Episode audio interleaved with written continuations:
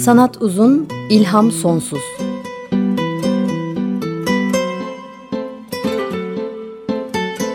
Sanat üzerine psikolojik sohbetler.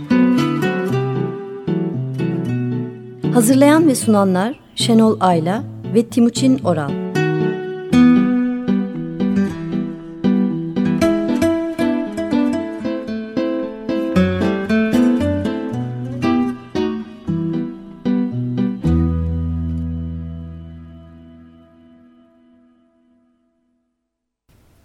94.9 Açık Radyo'da Sanat Uzun İlham Sonsuz programındayız. Merhabalar ben Timuçin Oral. Merhaba ben Şenol Ayla. Teknik Masa'da bugün Barış Demirel ve Sabahat Özay bize destek veriyor. Twitter hesabımız et sanat alt tire uzun. Açık Radyo sitesinde de programımızla ilişkili bir bölüm var. Linki tweet profilimizde bulabiliyorsunuz. E, bu sayfalarda da program kayıtlarımız var. Artık var. Geçen hafta ses dosyalarımızı barındırdığımız archive.org internet sitesine erişime e, tip tarafından idari tedbir getirildiğini duyurmuştuk. Erişilemiyordu ses dosyalarına ama birkaç gün önce bu tedbir kararı kaldırıldı. Artık podcast ve sitedeki kayıt arşivine normal yollardan ulaşabiliyoruz. Birkaç haftadır sanatçıların yaşantılarının e, nasıl eserlerine yansıttıklarına, kendileri nasıl yaşadıklarına baktık. Yas özelinde başladık ama yasla da sınırlı kalmadık. Bugün bunun devamı olarak e, hiç de yas tutmayarak, pek tutmayarak diyelim. E, bu konuya devam edeceğiz ilk olarak. Aslında tabii yasın olmadığı bir şey olmadığını, bir gün ve dünya olmadığını konuşmuştuk her gün. Tam unutuyorum hatırlatıyorsun. Evet, ben hatırlatıyorum. Evet her gün e, ömrümüzden kaybettiğimiz bir günün yası aslında onu reddetsek de var o. Evet ama bu üçüncü haftada artık ben bununla başa çıkmaya başladım yası. Her kaybettiğimiz gününe ve daha normale döndüm diye düşünüyorum. E, bir şey evet şimdi daha öyle bir kayıp üzerinden değil de belki orada da kayıplar var ama e, aslında bunu iki program gibi düşünelim. Belki önümüzdeki programı da e, tasarlayarak gidelim bir sanatçının yaşantısı eserine nasıl yansıyor? Ra iki tane tipik örneği mesela bugün konuşalım. Sonra haftaya gerçekten yansıyor mu? Ya da yansıyıp yansımadığını hatta bir konuğumuzla birlikte daha ayrıntılı konuşalım. Çünkü bu da tartışılır aslında. Evet doğru. Bugün konuşacağımız ilk sanatçı Emily Dickinson. Evet, e, Emily Elizabeth Dickinson enteresan bir Amerikalı kadın şair. 1830'da doğmuş, e, 56 yaşında da ölmüş. E, hiç evlenmemiş. Bunu önce bir konuşmuştuk. Evet, Kendisi de evlenmemiş. Mi? Niye Kız kardeşi de evlenmemiş. Evet. Biyografilerde yazıyorlar bunları. Ee, aslında yazılacak bir şey yok belki de o dönem evlenmiyor olmak göze batan bir şey bir. İkincisi de her şeyi böyle patolojiye yorma e, düşüncesinin olduğu bir dünya biliyorsun. Öyle bakıyorlar. E, genç yaşta aslında e, ölümle tanışıyor Emily. Onun da böyle bir yaz e, meselesi var. O yıllarda tabii bu da çok şaşırtıcı değil. Çünkü bir takım hastalıklar da çok yaygın mesela tifüs. E, verem konuşmuştuk tabii, geçen sefer. E, işte daha evvel veba filan. 14 yaşında kuzenini kaybediyor tifüsten. Sonra böyle bir iki yıl kadar süren, o onun akranı çünkü, iki yıl süren bir e, melankolik ruh hali. Keşke ben de ölseydim diyecek kadar uzun süren bir melankolik ruh hali. Aslında edebiyatla da çok ilgili değil. Pek okuyup yazdığı da bilinmiyor aslında. Bir şekilde William Wordsworth'un eserleriyle tanışıyor. Sonra Shakespeare'le tanışıyor aslında.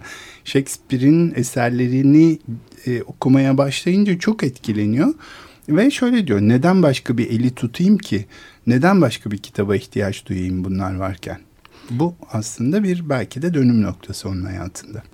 31 yaşındayken de bir kayıp daha yaşıyor. 16 yaşındaki köpeği ölüyor. Bu önemli bir kayıp onun için. O sıralarda yavaş yavaş şiirler yazmaya başlıyor. Hı hı. Ee, yaşamı boyunca da doğduğu kenti çok az terk ediyor değil mi? 3-4 kez başka şehre gitmiş. Evet yani bir kere New York'a iki kere Boston'a mı gitmiş. Öyle bir şey yani çok az hakikaten. Esas önemli şey 32 yaşındayken e, tümüyle kendini e, evine kapatıyor ve yazmaya adıyor. En yakın arkadaşlarıyla bile ölünceye dek e, görüşmüyor. Yani bu gerçek anlamda izole ediyor kendini. Evet şimdi bunu buradan bakarak yorumlamak o kadar zor ki. Çok atipik bir durum. Çünkü hakikaten 37 yaşı civarına geldiğinde artık yani 32 yaşında kapatıyor kendisini. Bunu işte e, hayatına girmiş bir iki aşk ilişkisi var diyenler var, ona bağlayanlar var filan. Fakat 37 yaşı civarı yani 5 yıl kadar kendini kapattıktan sonra artık 37 civarındayken insanlarla kapının arkasından konuşuyor ziyaretçileriyle. Yani o kadar yüzü de görünmeyecek kadar ve tamamen çekiliyor. Mecazi bir kapatma değil yani. Tamamen Gerçekten kapatıyor. kapatıyor. Evet. Ama şurası garip. Yani bir kere beyazlar giyiniyor sürekli. Yani arada görülürse beyaz elbiseleriyle görülüyor. Aileden birileriyle görüşüyor fakat dışarıdan kimseyle görüşmüyor. Mesela babasıyla da bir ilişkisi var yok değil o sırada. Ee, bir, bir garip olan şey şu. Bu kadar kapanmaya, bu kadar izolasyona e, hani burada bir ruhsal rahatsızlık var denilebilir belki. Çünkü hani kimseyi görmüyor, konuşmuyor, kendini göstermiyor falan. Fakat sosyal olarak aktif. Mektuplar yazıyor, gelen insanlara çiçekler ikram ediyor, hediye ediyor, şiirler yazıp yolluyor. Bir bağı var insanlarla garip bir şekilde fakat görüşmüyor, görüşmeyi reddediyor.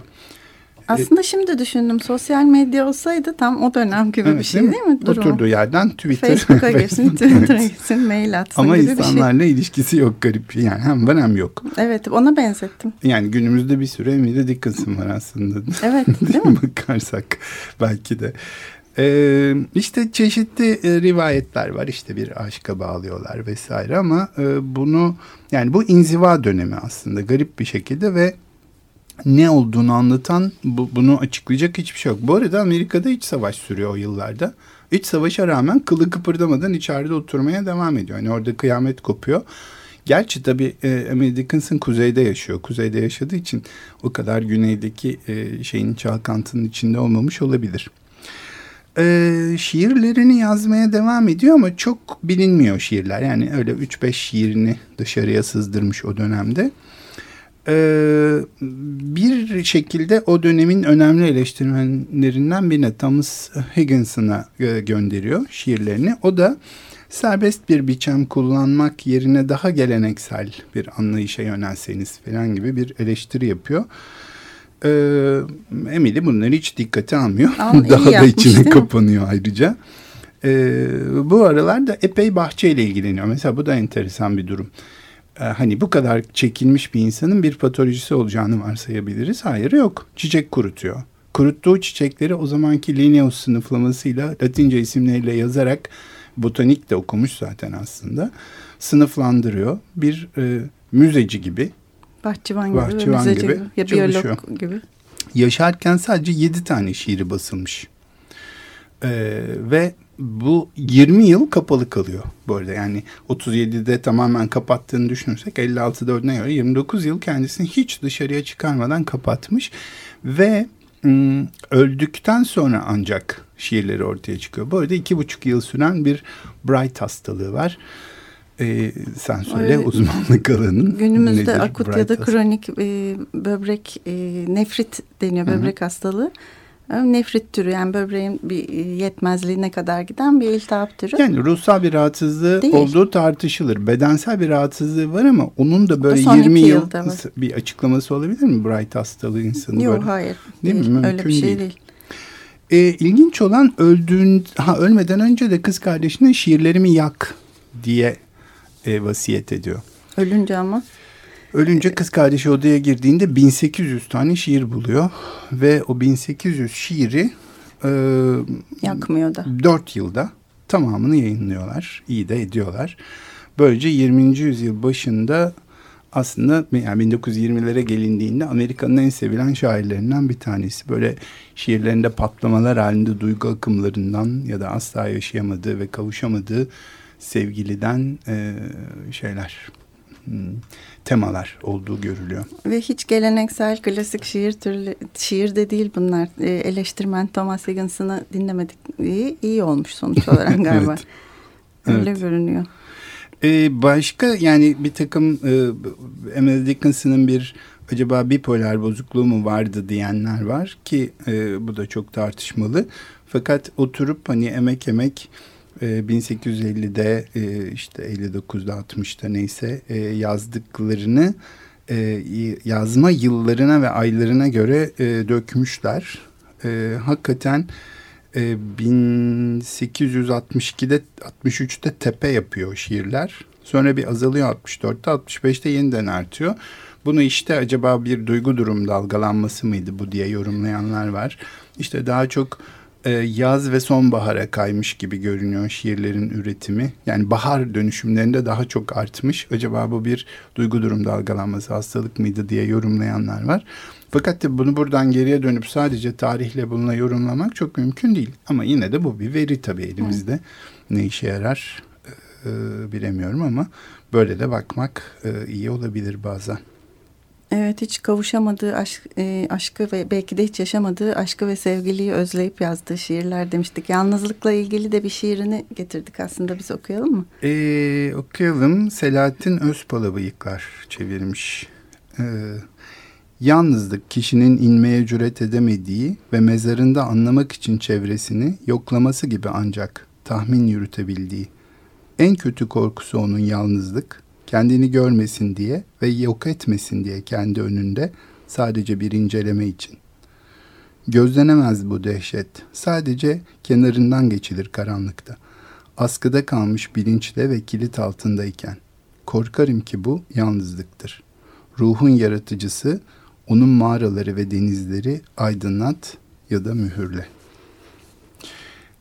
Yani 20 yıl yalnız kalmış bir insan yalnızlıkla ilgili en Korkarım kötü korkusu bu, evet. diye bir şey yazmış İlginç olması. bir hayatı olmuş. Bunu bir e, kapatırken bir müzikle kapatalım istersen. Aslında Hı -hı. yine biraz hüzünlü bir parça ama iyi gelecek bence buraya.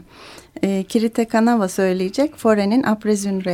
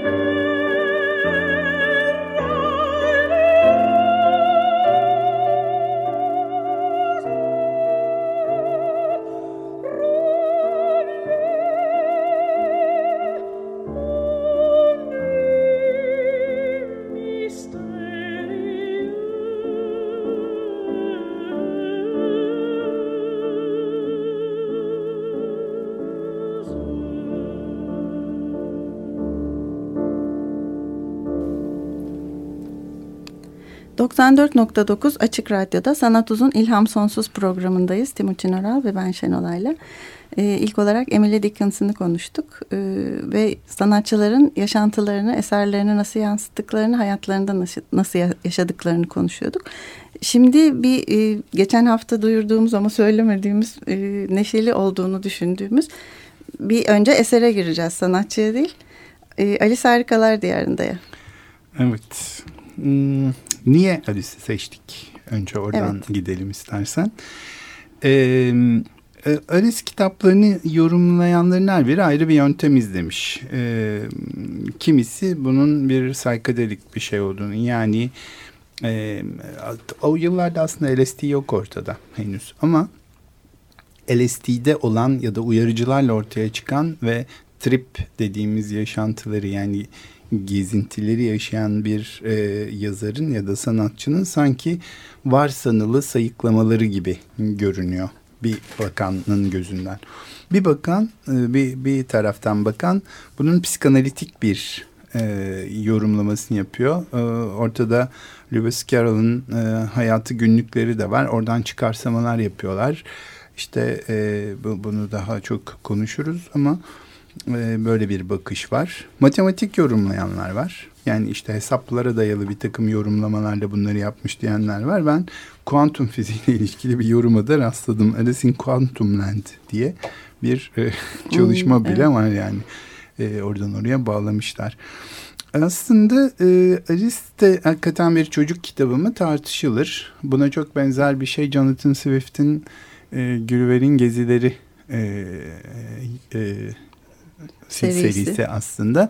Çünkü o da bir çocuk kitabı değil aslında. Bir hiciv e, evet. dönemi hicveden bir şey ama hani bakarsanız dünyaya o bir çocuk kitabı gibi yorumlanıyor her zaman. Ee, ama Gülver'in gezilerinden daha fazla çocuk kitabı olarak yorumlanmış. Bunun bir sebebi de zaten e, Carol'ın bunu hakikaten gerçek Alice'e bir hikaye gibi anlatmış olmasına filan da evet, bağlayanlar var. Evet, kendisi de yazıyor zaten değil mi? Evet, 1865'te yazılmış ve ilk el yazmasında kendi çizdiği resimler var. Daha sonra basılırken John Tenniel'ın resimleriyle e, çıkıyor, basılıyor da. E, bu şimdi e, masal kitabı olduğu söylenemiyor tabii çok fazla. Okuyanlar Alice'in maceralarını ve içindeki tüm o eğlence ve oyunlarla hoş vakit geçirirler. Alice ölmekten kurtulmaya çalışmaktadır. Bu nedenle de harikalar diyarında pek eğlenceli ve hoş bir vakit geçirmez diyor. Ben de böyle hissetmiştim küçükken e, okuduğumda ve sonra da filmine gittiğimde hayatımın Hı -hı. önemli korku filmlerinden biriydi. İlkokuldaydım diye hatırlıyorum. Günlerce etkisinden kurtulamamıştım. Aslında korku filmi gibi değil korku mi? Yani filmi nasıl çocuk e, hissetmiştim. Kitapta olsun. o kadar korkmamıştım ama film gerçekten güzeldi herhalde. Tam hatırlamıyorum neyin filmiydi. Bir de tabii şöyle oluyor. Kitabı her okuyan filmi e, filme yansıttığında kendine göre de yansıtıyor. Yani böylece Tim Burton başka bir şey yansıtıyor bir başka yönetmen başka bir şey yansıtıyor. E, evet çocuk e, öte yandan da çocuk kitaplarının aksine çocuğu toplumun normlarına uygun bir biçimde yetiştirmeyi değil de e, toplumun bireye sağladığı her türlü statü, kimlik, e, sınıf gibi ayrıcalıklar ortadan kalktığında tamamen farklı bir bağlamda tek başına kaldığında bireyin nasıl yaşayacağını düşündürmeyi hmm. amaçladığını iddia edenler de var. Bu büyüme sancısı. Büyüdüğünde neler göreceksin gibi. E, bu nedenle ilkine benzer bir hiciv tarafı olduğunu söyleyenler de var. E, Virginia Woolf'a göre de Alice kitapları çocuk kitapları değil. Onlar okurken çocuk olabildiğimiz tek kitap e, diye söylemiş Virginia Woolf'ta. E, her iki kitap sırasında da yani Gulliver zamanında da e, Alice zamanında da henüz sürrealizm de doğmamış. Fakat sürrealizm üzerine Apollinaire de şöyle demiş. İnsan yürüyüşü taklit etmek Hı. istediği zaman bir bacağı hiç benzemeyen tekerleği icat etti böylece bilimden sürrealizm yapmış oldu. Evet yani evet böyle bir şey oluyor ama şöyle zaten demin onu diyecektim sürrealizm yoktu diyorsun ama sürrealizm aslında hep vardı da adı konulup adı bir şey haline ekol gelmemiş. değildi. Evet öyle adlandırılmamıştı yoksa hakikaten Apollinaire'in dediği gibi aslında e, tekerlekle birlikte var. Sürreal bir şey çünkü evet. o sonuçta. E, kitaptaki illüstrasyonları kendisi yapmış. Lewis evet Carroll. bir tane e, herkesin görünce tanıyacağı Twitter'dan da paylaşacağız. Beş çayı illüstrasyonu var. Ama bu John Tenniel'in çizimlerini biz paylaşacağız e, hı hı. şimdi şeyimizden Twitter'dan. Aslında Tim Burton'un filminde de böyle bir e, enteresan sahne vardır. Hmm, çok ee, güzel ve görkemli evet. bir beş çayı. Şimdi bu sahne e, günlük gerçekliğin içinde en çok rüyaya benziyor. Alice'in tamamı rüyaya benziyor da bu hani bunun üstünden konuşacaksak rüya gibi yani hiç olmaması gereken ögeler bir arada.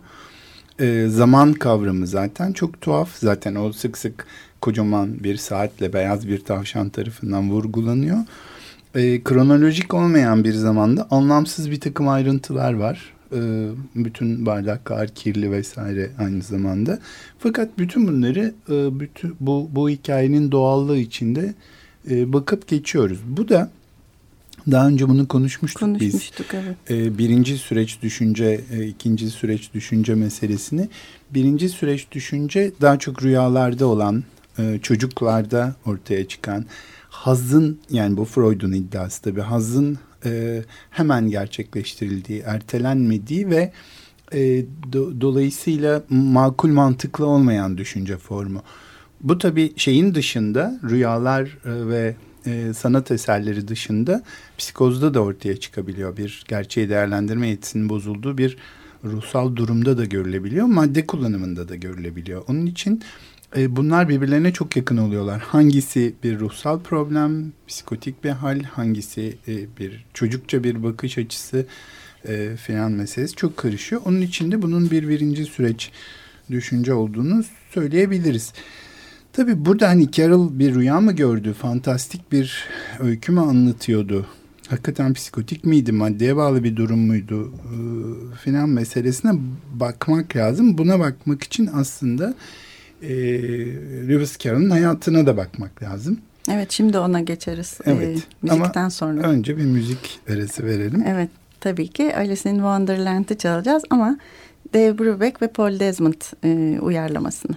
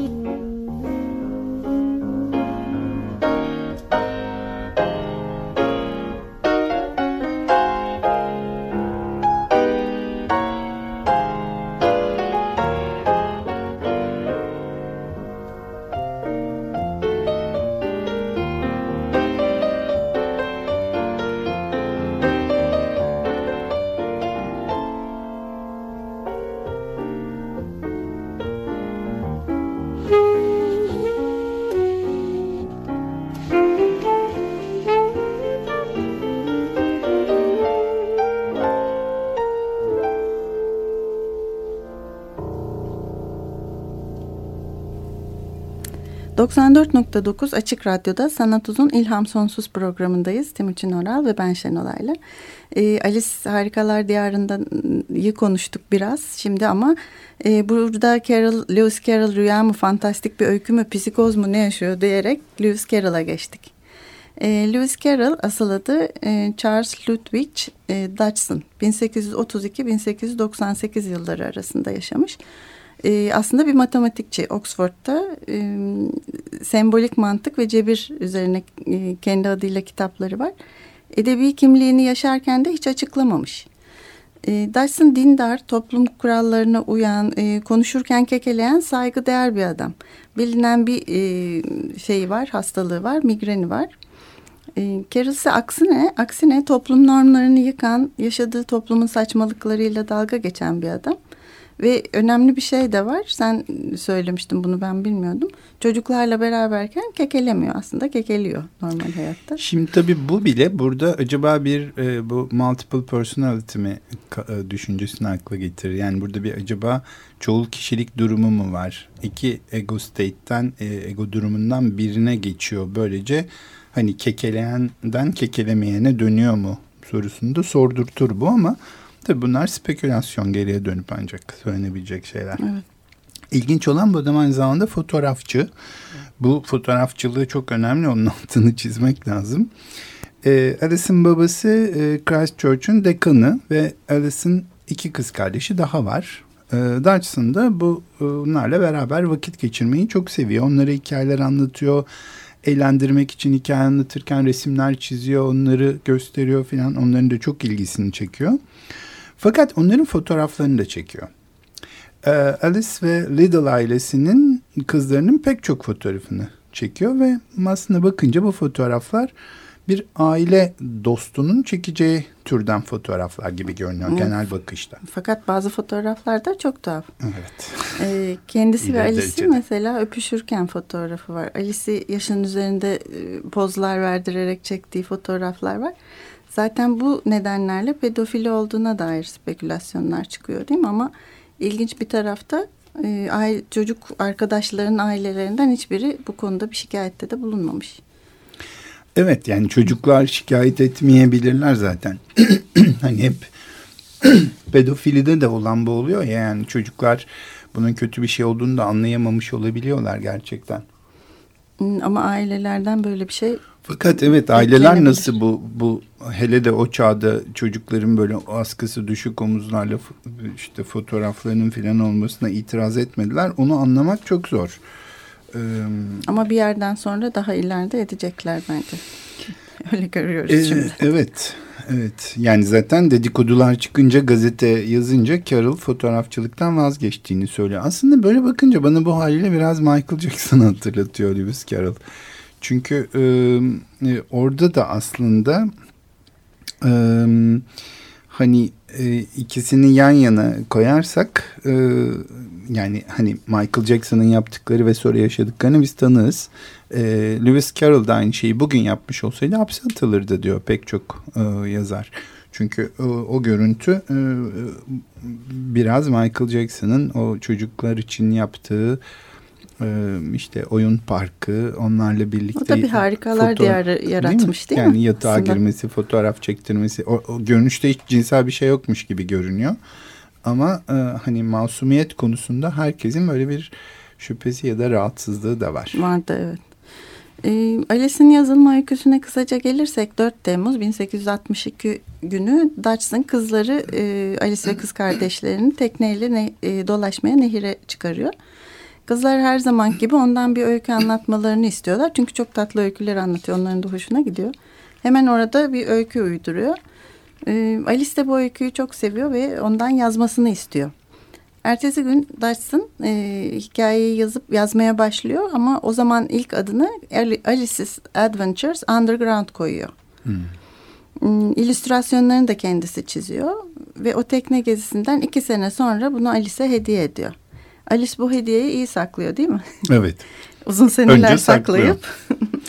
sonra orijinal yazmasını hmm, eşi de öldükten çok sonra 15.400 pound karşılığında satıyor. Evet. aslında yeterince adil bakarsak değil mi yani? Evet ee, doğru.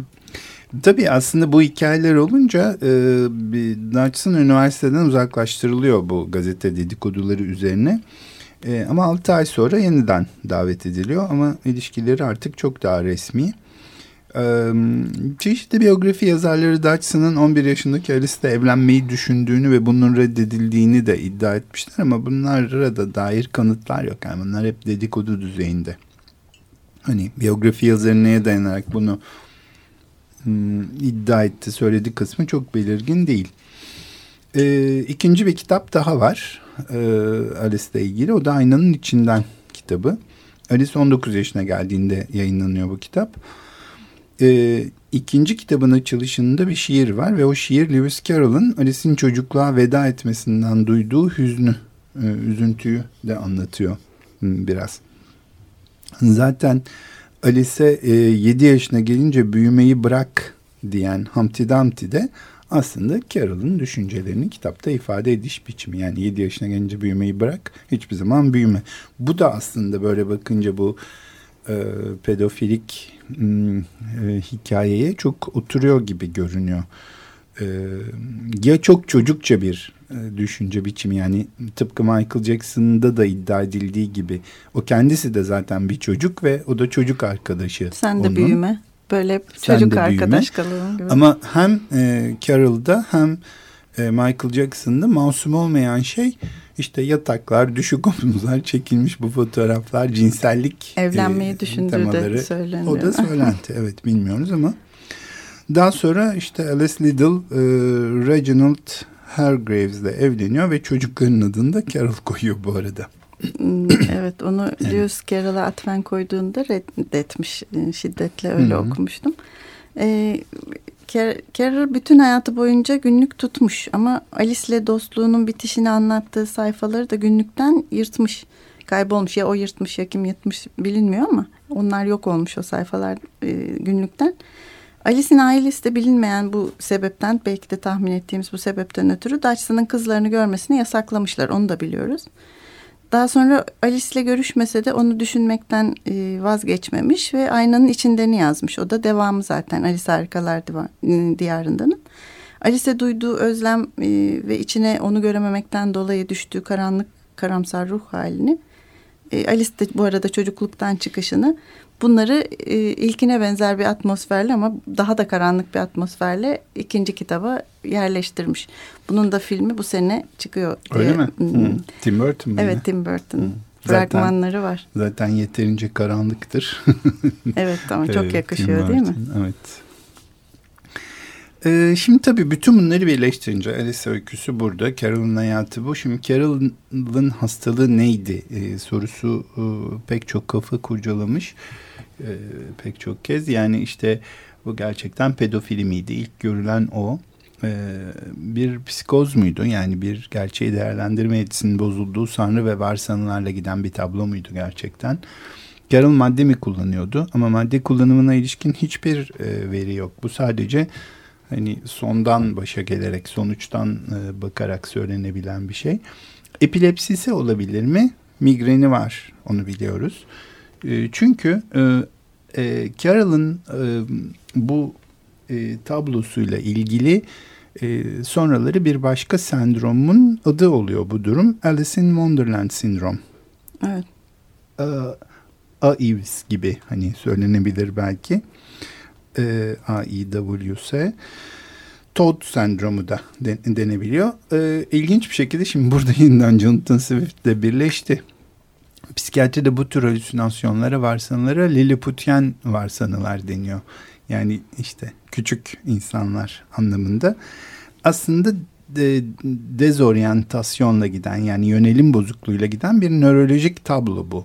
Çevresindeki insanları ya da cisimleri olduğundan daha büyük ya da daha küçük görebiliyor algı insanlar. Algı bozukluğu var içinde. Bir algı bozukluğu ortaya çıkıyor kesinlikle. Ee, bunlara işte makropsi, mikropsi, telopsi yani olduğundan uzağa gitmek falan e, ya da uzadığını hissetmek gibi şeyler söylenebilir. Tam Alice'in ilk e, bölümündeki gibi değil Çok mi? Çok anlatıyor evet gibi. tamamen.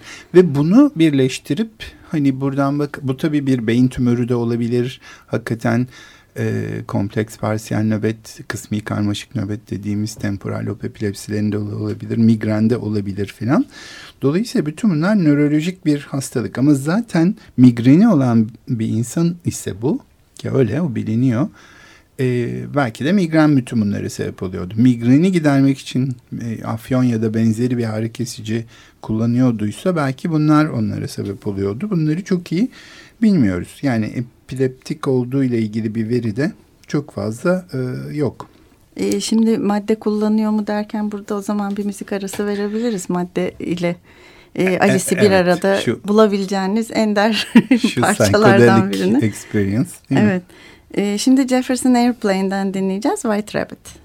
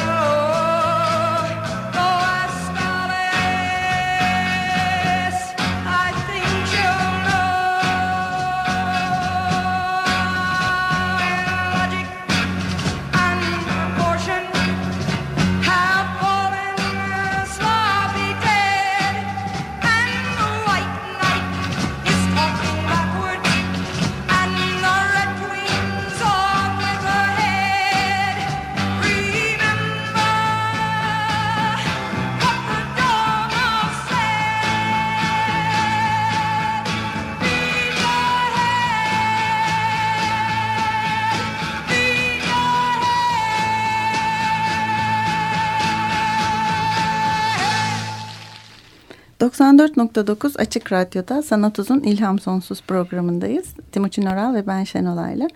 Ee, Alice Harikalar Diyarında'yı ve e, Lewis Carroll'ı konuşuyoruz.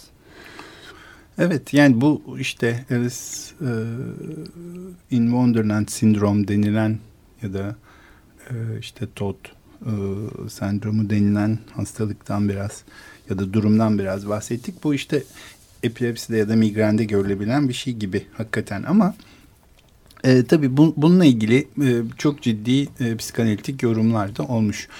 Bu psikanalitik yorumları çok e, e, biraz mesafeyle yaklaştığımı en başından beri ben söylüyorum. Çünkü hani buna bakıp e, bir yorumda bulunuyor olmak, işte onun hayatı e, ile bağlantı kurmak filan biraz fazla sübjektif. Yani evet. o bakanın, okuyanın nereden baktığı ile ilgili de bir şey. Ne diyorlar mesela onlar? Şöyle diyorlar. Psikanalist çok soruları ortaya çıkıyor.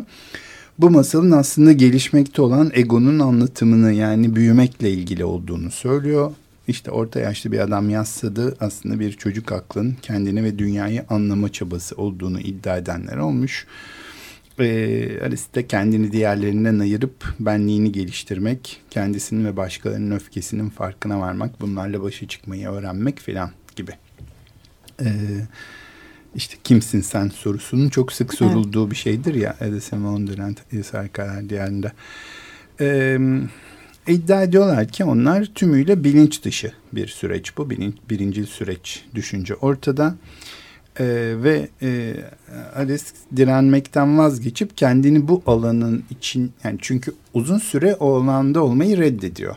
Yani onu böyle bir rüya gibi e, sürreel bir durum gibi filan değerlendiriyor.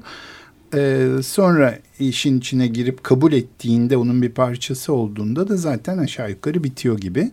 Direnmekten vazgeçip kendini bu alana salan bilincin kaygı ve korku motifleriyle örülü bir yolculuğunun anlatıldığını iddia ediyor psikanalitik e, görüşten konuya bakanlar.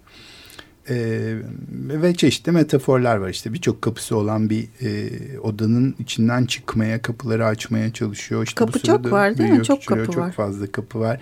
İşte kapıyı e, bekaret himen gibi yorumlayanlar olmuş. İşte anahtarın açılması, kapının açılması. Ben, ben bu yorumları biraz zorlama buluyorum açıkçası kendi adıma. E, kapılar bir bilinçten bilinç dışına giden fantastik yolculuğu metaforize ediyor diyenler var. Ee, işte büyüyüp küçülmesi e, ve uzun süre uğraşması, e, küçülünce kapıdan geçmesi, e, böylece mantık kurallarının işlemediği yani ancak küçülüp o kapıdan geçince böylece mantık kurallarına da ters düşmüş oluyor ve o, o böyle bir dünyaya açılıyor. Ancak o zaman girebiliyor filan gibi. Ee, ve böylece aslında kendi bilinç dışının yansımasını gördüğü bir ayna gibi. Zaten sonraki kitabın adı da aynanın içinden. Ee, bu da ona bir e, gönderme biraz. Ee, yani hepimiz aslında kendi gördüklerimize e, göre değerlendiriyoruz ama bunların hiçbiri bana sorarsan Carol'ın düşüncelerini yansıtmıyor. Çünkü bilmiyoruz. Hakikaten evet. bilmiyoruz ne yaşadı adam. Yani bir şey yazdı. Yazdıklarında çok nörolojik e, tıbbi bir takım durumların da e, örnekleri var. Biz de bunları görüyoruz. Ama şimdi buradan ona bakarak bu kadar büyük büyük cümlelerle büyük iddialarda bulunmak biraz sanki Rorschach testi gibi oluyor. Yani mürekkep Bakanı yansıtıyor bir... aslında diyorsun. evet. evet. Belki sadece hayal gücüydü ve mesela, yaratıcılığıydı. Hı, yani şu Cheshire kedisiyle arasında bir diyaloğu var mesela hani. Hmm, Alice ben olayım, kedi sen ol. Tamam, ne dersin? Peki. Okuyalım. Lütfen bana buradan ne tarafa gideceğimi söyler misin? Bu gitmek istediğin yere bağlı. Neresi olursa olsun önemi yok. O zaman ne yana gitsen olur. Yeter ki bir yere varayım. E tabii ki varırsın. Yürümekten yılmazsan bir yere varırsın tabii. Buralarda oturanlar nasıl insanlar? Şurada bir şapkacı oturur. Şurada da bir mart tavşanı. Hangisini istersen git ikisi de deli. Ben deliler arasında ne yapayım? Başka şansın yok ki. Burada herkes deli. Ben de, sen de. Benim deli olduğumu nereden biliyorsun? Mutlaka sen de delisin. Yoksa burada ne işin var? Çok güzel bir diyalog evet, değil mi? Değil mi? Yani bu Mutlaka sen de delisin. Bu zaten bu karmaşayı e, anlatırken, yorumlarken e, e, günümüzde pek çok yere uyabilecek e, bir takım açılımları da oluyor. Mesela şöyle Alice e, e, Carol aile kavramıyla da oynuyor sürekli çünkü. Yani e, Düşes'in evinde bir aile var. İşte e, Kupa Kraliçesi'nin sarayında bir aile var. Alice'in kendi ailesi var filan. E, Alice Düşes'in o kaotik evine gidiyor. E, orası bir ev aslında bir de çocuk var hatta. Fakat burada güvenlik, sıcaklık, aşk ve mutluluktan eser yok. Düşes her şeyi yerlere fırlatıyor. Bebek tehlike içinde sürekli ağlıyor. Aşçı yemekler yapıyor, yemekler yenilemiyor. Aslında e, bir huzur ve güven ortamı var ama e, ortam çok Olması kaotik. beklenen Olması, bir aile yok. tamamen dışında bir şey. Ee, bir yandan hani Alice Harikalar Diyarı'nda sürekli değişmekte olan toplumdaki bireylerin güçsüzlüğünün de kanıtı. Ee, Alice tam o durumu kabullendiğinde, içinde bulunduğu durumu kabullendiğinde hop değişiyor şekil. Yeniden güçlükle adapte olacağı başka bir şeye e, dönüşü veriyor ortam. Evrensel doğruları olmadığı gibi bu karakterlerle başa çıkmanın bir yolu da yok. Her biri bir laf e, cambazlığı yapıyorlar. Mesela Humpty Dumpty'nin söylediği e, kelimeler yalnızca ben ne anlama gelmelerini istersem o anlama gelirler cümlesi bunu çok iyi anlatıyor. Böylece e, hiçbir şey bir, bir evrensel gerçek ilkeler yok mesela. Var gibi görünüyor ama ilkeler de yok. Şimdi sen bunları deyince ben kendimizi harikalar diyarında hissettim. evet. Görgü kuralları mesela. Ee, orada bir Mad Hatter var, deli şapkacı. Bunun da ayrı bir öyküsü var aslında ama onu sonra konuşuruz. e, yani o deli şapkacı da Mart tavşanı da aslında yetişkin tipler Alice'e göre bakarsan. Ama e, çok geleneksel olan o İngiltere'deki e, çay beş çay partisi bile gayet anlamsız. Ev sahibi misafirlere emirler yağdırıyor.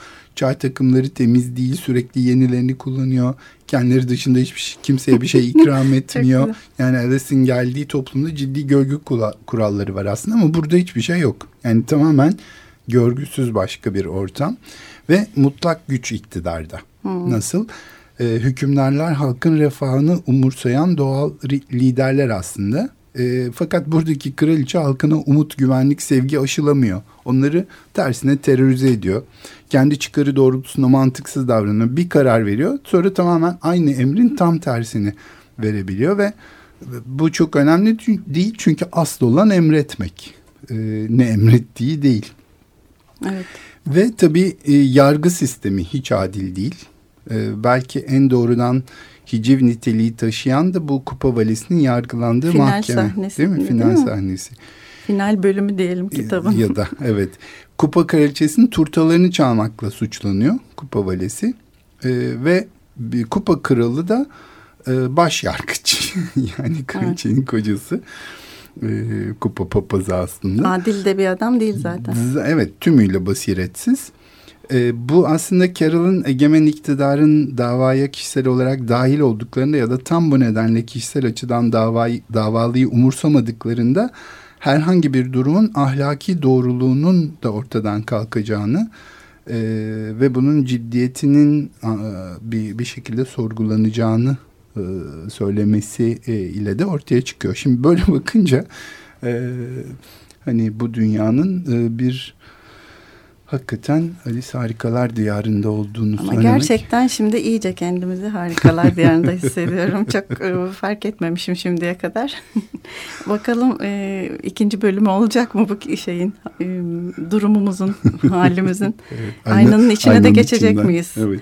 E, diye bir durumdayız. Şimdi o zaman yine bir müzik dinleyelim. E, Tom Waits'ten dinleyelim bu sefer. Alice.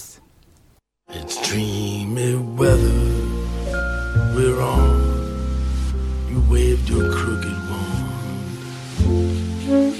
along an icy pond with a frozen moon.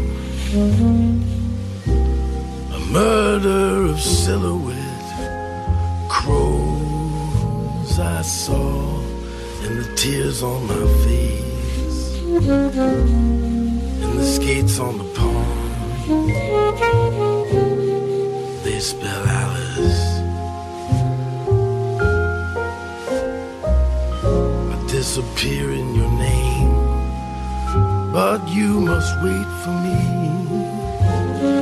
somewhere across the sea. There's the wreck of a ship. Your hair is like meadow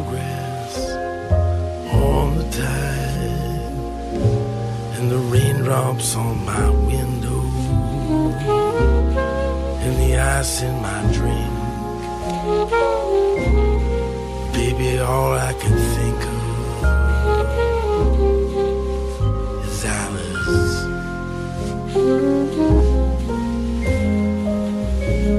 Arithmetic, arithmetic. Turn the hands back on how does the ocean rock the boat? How did the razor find my throat? The only strings that hold me here are tangled up around the pier. And so a secret kiss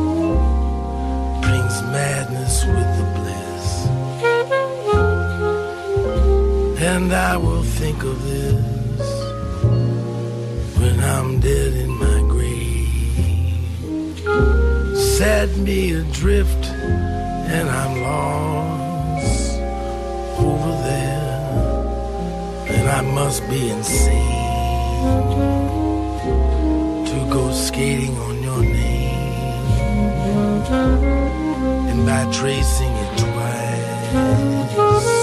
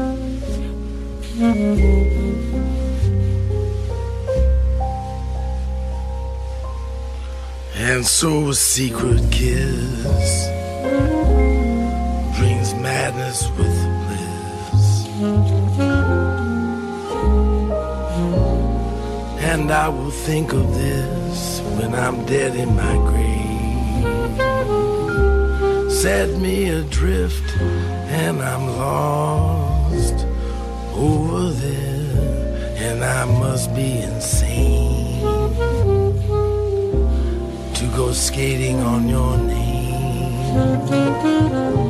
and by tracing it twice. I fell through the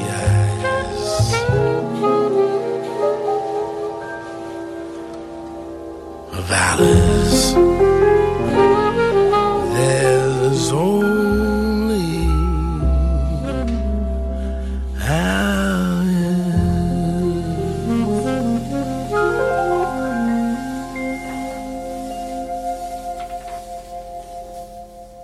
94.9 Açık Radyo'da Sanat Uzun İlham Sonsuz programındaydık. Timuçin Oral ve ben Şenolay'la. Tom Waits'in e, 2002 Alice albümünden dinledik aynı adlı şarkıyı.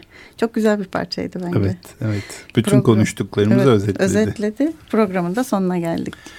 Evet, bugün e, sanatçının e, yaşantısından bakarak e, acaba onun kişilik özellikleri yapıtlarını ne kadar etkilemiştir bir giriş yaptık diyebilirim. Bunu e, en e, dramatik yapabileceğimiz iki isimdi. Çünkü Emily Dickinson'ın hayatını çok anlamakta çok zorlandığımız ama bir patolojiye uyduramadığımız bir dönem ve inanılmaz bir üretkenlik var. Lewis Carroll'ın hayatında da çok ciddi patoloji var ama e, ürettiği şeyin onun patolojisiyle bağlantısını kurmak neredeyse imkansız. E, ve oradan yola çıkarak olmayan şeyleri iddia etmek hiç mümkün değil. Bırakalım kurmayalım dedik orada değil mi? evet tam da bu. Ee, bir sonraki hafta aslında böyle de devam edeceğiz. Böylece yasla başladığımız aslında sanatçının yaşantısı, sanatı ne kadar etkileri e, biraz daha açarak gitmiş olacağız. E, bu bağlamda haftaya e, Shakespeare'i konuşuruz. E, Evet. Onun da hayatında hem bir yas var, yastan yola çıkarız. Hem yapıtları ile ilgili çok fazla e, söylenti e, ve işte yorum olabiliyor. E, bununla ilgili konuşuruz. Hem de çok önemli bir konuğumuz de olacak. sürpriz konuğumuz olur. Evet. Böylece e, daha güzel konuşmuş oluruz. Ee, Ee, bugünkü e, teknik masada Sabahat Özay ve Barış Demirel vardı. Teşekkür ediyoruz kendilerine ve e, programımızı kapatırken sizlere hoşçakalın diyoruz. Hoşçakalın.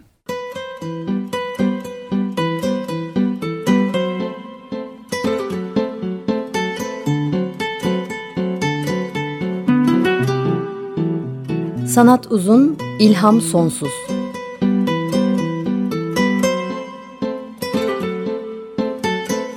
Sanat üzerine psikolojik sohbetler.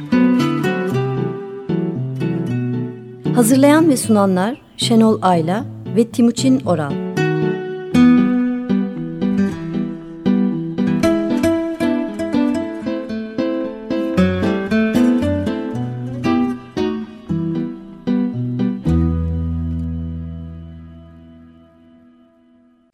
Açık Radyo program destekçisi olun. Veya daha fazla programa destek olmak için 212 alan koduyla 343 41 41